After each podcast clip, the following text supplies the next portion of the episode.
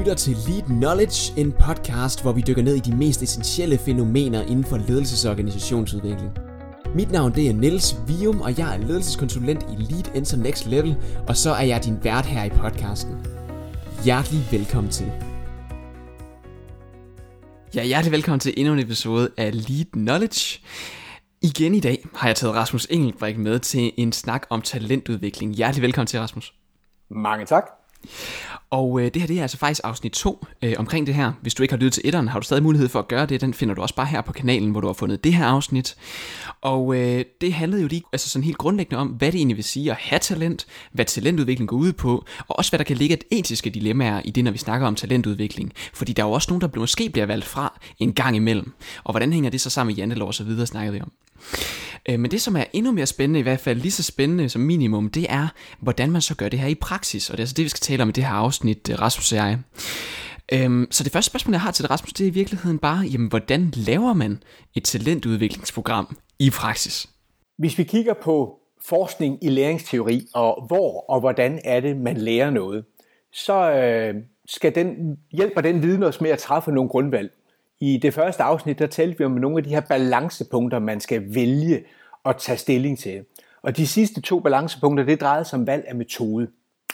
Vi har klart de bedste erfaringer med talentudvikling, når vi kombinerer et spor af formaliseret modulundervisning, hvor vi giver viden, og hvor vi udfordrer, vi arbejder med øh, værktøjer og teori, og kombinerer det med et træningsspor, hvor talenterne de øver sig på nogle definerede øvebaner, de udvikler sig i egen praksis, og de får feedback på deres adfærd i egen praksis. Så vi har to spor, ofte i programmerne. Et modulspor, hvor vi giver viden, og som vi faciliterer. Og så har vi et understøttende læringsmiljø, hvor talenterne arbejder i egen praksis på øvebaner med feedback fra egen nærmeste leder, muligvis nogle talent- eller mentorsamtaler, og dertil øh, feedback fra nærmeste leder på det, jeg gør, og en refleksion over egen praksis. Det er grundstrukturen. Hvordan kunne det egentlig se ud? Sådan, øh, hvad kunne de her moduler gå ud på? Kan du bare nævne et par eksempler af de her moduler? Både måske et fra øh, den mere praksisnære, og så en sådan, øh, den der formelle, formelle form for, for modul. Hvis vi arbejder med ledertalenter, så drejer modul nummer et sig næsten altid om udvikling i rollen.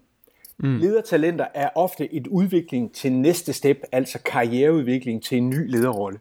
Det drejer sig om transitionen fra den nuværende rolle til den nye rolle. Så det drejer sig om lederudvikling i egen rolle, altså udvikling af det personlige lederskab. Hvad er det for transitionspunkter? Går jeg for eksempel fra at være leder af medarbejdere til at skal være leder af leder, så er der fire nøgletransititionspunkter, der er nye. Jeg skal kunne lede ledere, og jeg skal kunne lede en ledergruppe. Jeg skal kunne fungere som strategisk brobygger midt i ledelseskæden og lede opad og nedad. Mm. Og jeg skal kunne lede tværgående indsatser på tværs af faggrænser. De fire ting, de er nye i den rolle. Det er ting, jeg ikke har skulle kunne som leder af medarbejdere, men som er knyttet til en leder- og lederrolle. Og derfor vil det være omdrejningspunktet for hele den personlige ledelsesudvikling gennem hele forløbet. Det vil man typisk arbejde med på et modul 1. Okay, godt eksempel. Mm. Og som et, sådan et, et, et klassisk øh, andet modul, det kunne så være for eksempel det at kunne lede og implementere forandringer, eller lede og implementere præstation. Øh, det, kan, det tager sig afsæt i nogle ledelsesteorier, og dertil kombineret med nogle værktøjer. Vi har for eksempel nogle simuleringsværktøjer, der gør det muligt, at vi træner talenterne i at lede forandringer i sådan et simuleret øh, virtuelt miljø. Værktøjer til at give dem nogle erfaringer, men stadigvæk på en øvebane og en spillebane, som er, er må så sige, pædagogisk afgrænset til, til klasserummet. Det vil være sådan modulerne. Og yes. så afhængig af, hvor mange moduler vi har, jamen, så kobler vi mere eller mindre ledelsesteori og øh, faglig teori på øh, i de her moduler. Okay, så hvis det her det var spor 1, hvordan vil spor 2 i hele det her talentudviklingsprogram så se ud? Spor 2, det er så der, hvor man skal træne. Det er så der, hvor vi skal have øvebaner på plads. Spor 2 er designet i en tæt relation med egen nærmeste leder. Er jeg et ledertalent, så skal jeg træne de her ledelseskompetencer på en øvebane. Det kan for eksempel være, at jeg løser nogle af opgaver fra nærmeste lederspor, at jeg for eksempel kommer til at, at lede en del af ledergruppens arbejde, at jeg får trænet og prøvet nogle af de færdigheder af i praksis. Dernæst så skal jeg selvfølgelig have noget feedback på det, og min egen nærmeste leder er til dels både mesterlærer og leder på området. Men jeg har brug for at få feedback og få sparring på, hvordan det er, jeg løser de opgaver.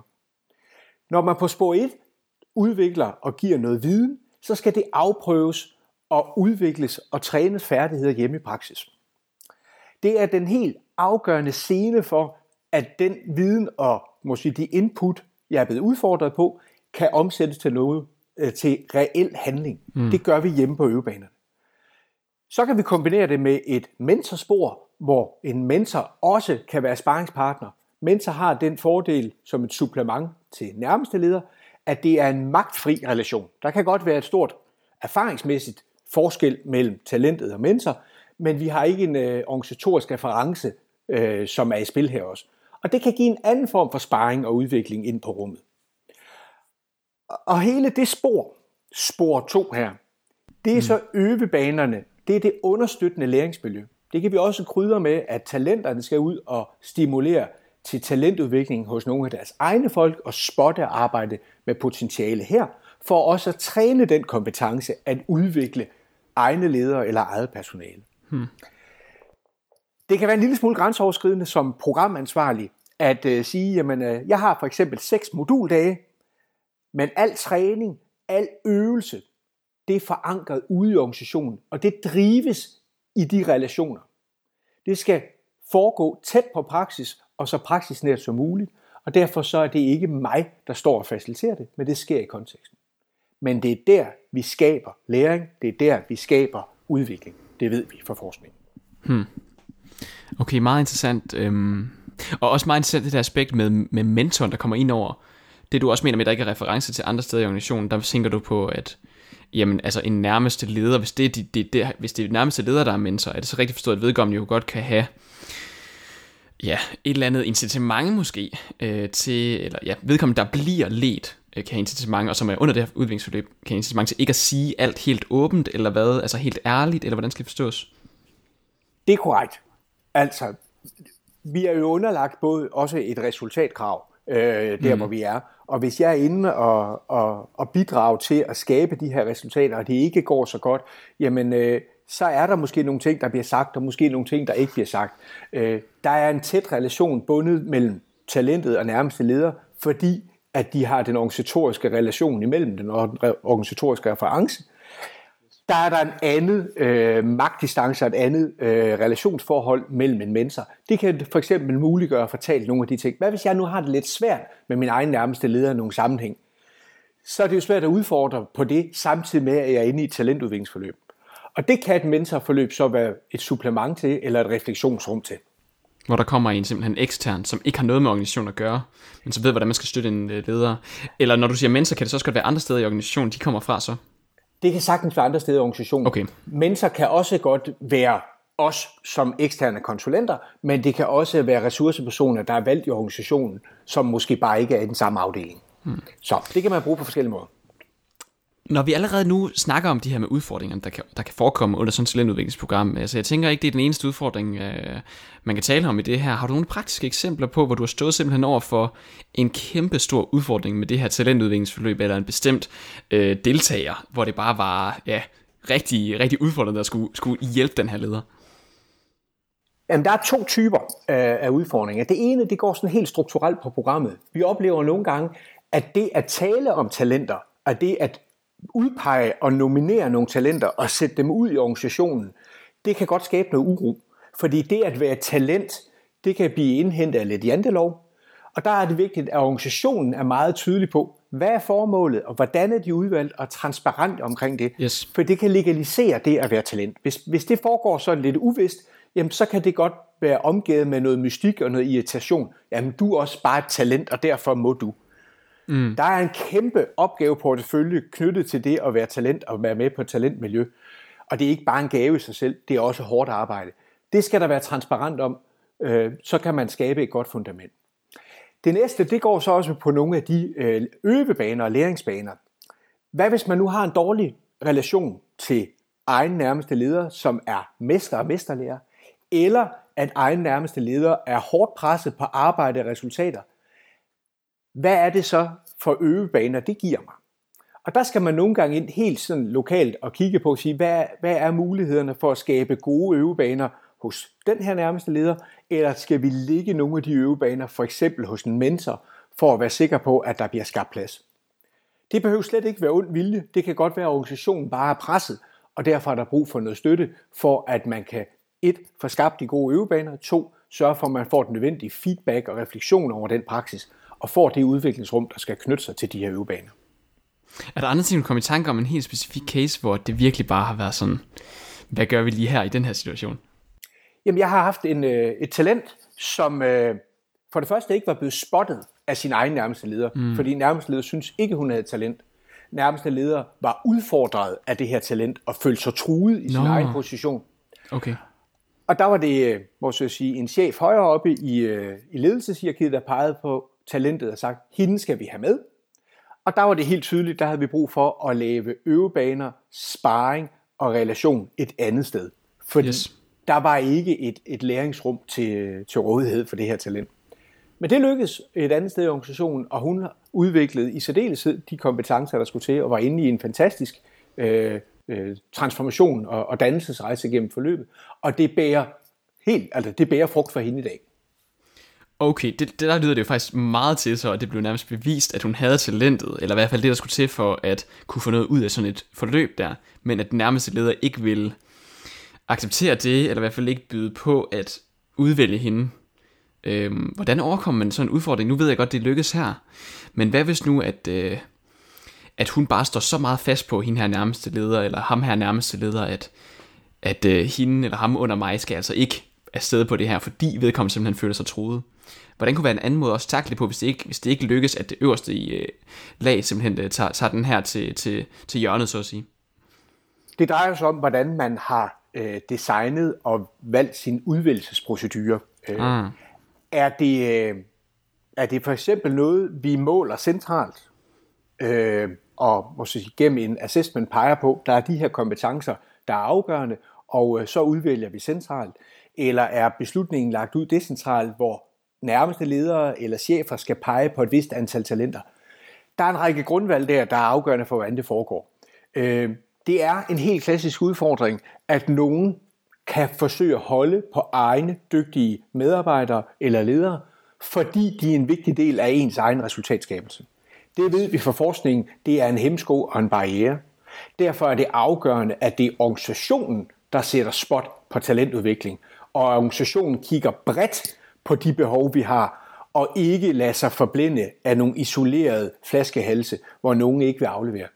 Der skal man simpelthen øh, kunne trække med den store mm. pensel og den store beslutning. Det skal komme organisationen til gode og udvikle de bedste øh, og de dygtigste medarbejdere. Det var meget sjovt at snakke om på et tidspunkt, det er selvfølgelig en anden kontekst, men snakke om, hvad vil der skulle til for at motivere øh, lederen af det her talent til at øh, faktisk hive vedkommende op, selvom de ikke som sådan får noget ud af det. Kunne man lave incitaments lønpakke på det, eller kunne man lave et eller andet, som vil anerkende det rigtig meget. Det, jeg ved ikke, det kunne være meget spændende at snakke om på et eller andet tidspunkt. Men det drejer sig om, at, at lederne og dybest set kan se det store formål, og de kan, de kan se the big why på, hvorfor udvikler vi på potentialer i organisationen. Mm. Yes. Øh, når, man, når man får tunet ind på det, så er det klart, at ens egen værdiskabelse i egen øh, ledelseskæde er et bidrag, og det er det større why, der skal, der skal tale her. Så det kræver nogle gange lidt overtagelse. Klart. Hvad så med succeser? Altså, hvad, nu, nu fortæller du så, at hende her, hun ender med at klare det rigtig, rigtig godt, øh, men stadigvæk på baggrund af, at hendes nærmeste leder egentlig ikke ønskede, at hun skulle på talentprogrammet i første omgang. Øh, er der andre sådan, succeser, du kan komme i tanke om, at du har oplevet, at du har arbejdet med talentudviklingsforløb?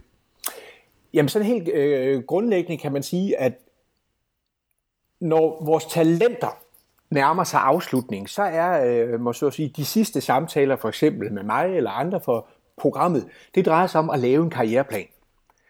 Og så kan det ene talent komme og sige, jamen jeg har egentlig ikke dybest set brug for at skifte job lige nu. Nej, men du skal have en karriereplan, der beskriver din egen udvikling over de kommende år, og du skal til den karriereplan med under armen og tydeliggøre den. Det er både et produkt af det at være talent, det er, at du har gjort dig nogle tanker og er afklaret om din karriere, for eksempel som leder eller som specialist, og du skal delagtiggøre den karriereplan. Det viser sig faktisk for rigtig mange at være et stort skridt i forhold til at lave et mere planlagt forløb eller se muligheder omkring sig. Så der er rigtig meget succes forbundet i at udvikle dig i en øvebane, og så prøve at gøre op og sige på, hvad er det så, jeg vil bruge det til, og bruge den aktivt i nogle samtaler med egen nærmeste ledere, med chefen på området, således at organisationen også har nogle talenter at bringe i spil. Hmm. Og der har vi jo øh, i flere forløbende set klassiske eksempler på, at, at folk er blevet, må så sige, både spottet, fordi de bliver afklaret og bliver plukket og valgt til stillinger, som er en, enten på et højere niveau eller på et specialistniveau, afhængig af programmet, undervejs i forløbet, fordi de faktisk har talent, og fordi de er blevet afklaret om, hvad de kan. Vi startede med at spørge, hvad er talent øh, i det første øh, afsnit? Bare det at stille spørgsmålet til de enkelte talent.